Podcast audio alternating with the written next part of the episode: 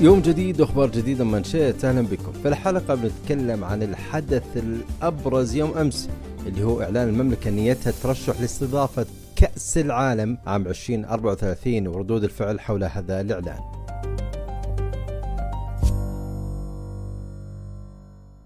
بعد النجاحات الكبيرة اللي حققتها المملكة في استضافة العديد من الأحداث والفعاليات الرياضية العالمية جاء الوقت اللي تعلن فيه المملكة نيتها الترشح لاستضافة بطولة كأس العالم 2034 ضمن خطة شاملة يسعى من خلالها الاتحاد السعودي لكرة القدم لتسخير كافة الإمكانات والطاقات للعمل على توفير تجربة رائعة واستثنائية تسعد عشاق كرة القدم في هذا الحدث العالمي. ولي العهد الأمير محمد بن سلمان أكد أن نية الاستضافة لكأس العالم 2034 تأتي تأكيدا للجهود الواضحة والكبيرة اللي تقوم فيها المملكة في نشر رسائل السلام والمحبة للعالم. قال أن الرياضة تعد أحد أهم وأبرز أوجهها كونها وسيلة مهمة لالتقاء الشعوب بمختلف أعراقهم وتعدد ثقافاتهم. هذا الإعلان الذي أذيع البارحة يعتبر الإعلان الأهم في عالم كرة القدم السعودية خصوصا بعد ست مشاركات سابقة المنتخب السعودي كان آخرها في عام 2022 وكانت ردود الأفعال حول هذه المشاركة والتعليقات كبيرة وفورية.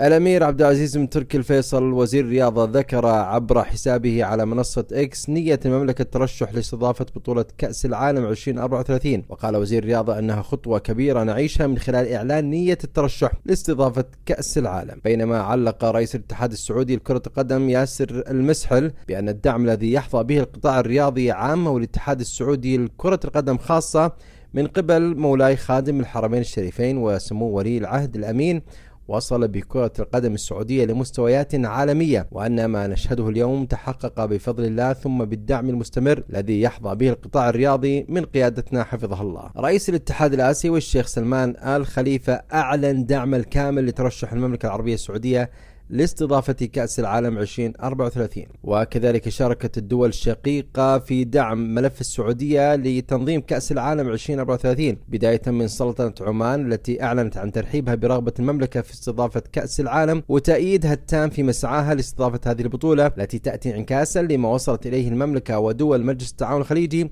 من نهضة شاملة تمكنها من استضافة مختلف الفعاليات الرياضية الدولية. أما عن الإعلان عن البلد المنظم لكأس العالم 2034 سيكون في الربع الأخير من عام 2024 يذكر في هذا السياق أن المملكة ستستضيف خلال الفترة القادمة كأس العالم للأندية 2023 ونهائيات كأس آسيا عام 2027 والعديد من البطولات العالمية الكبرى في مختلف الألعاب.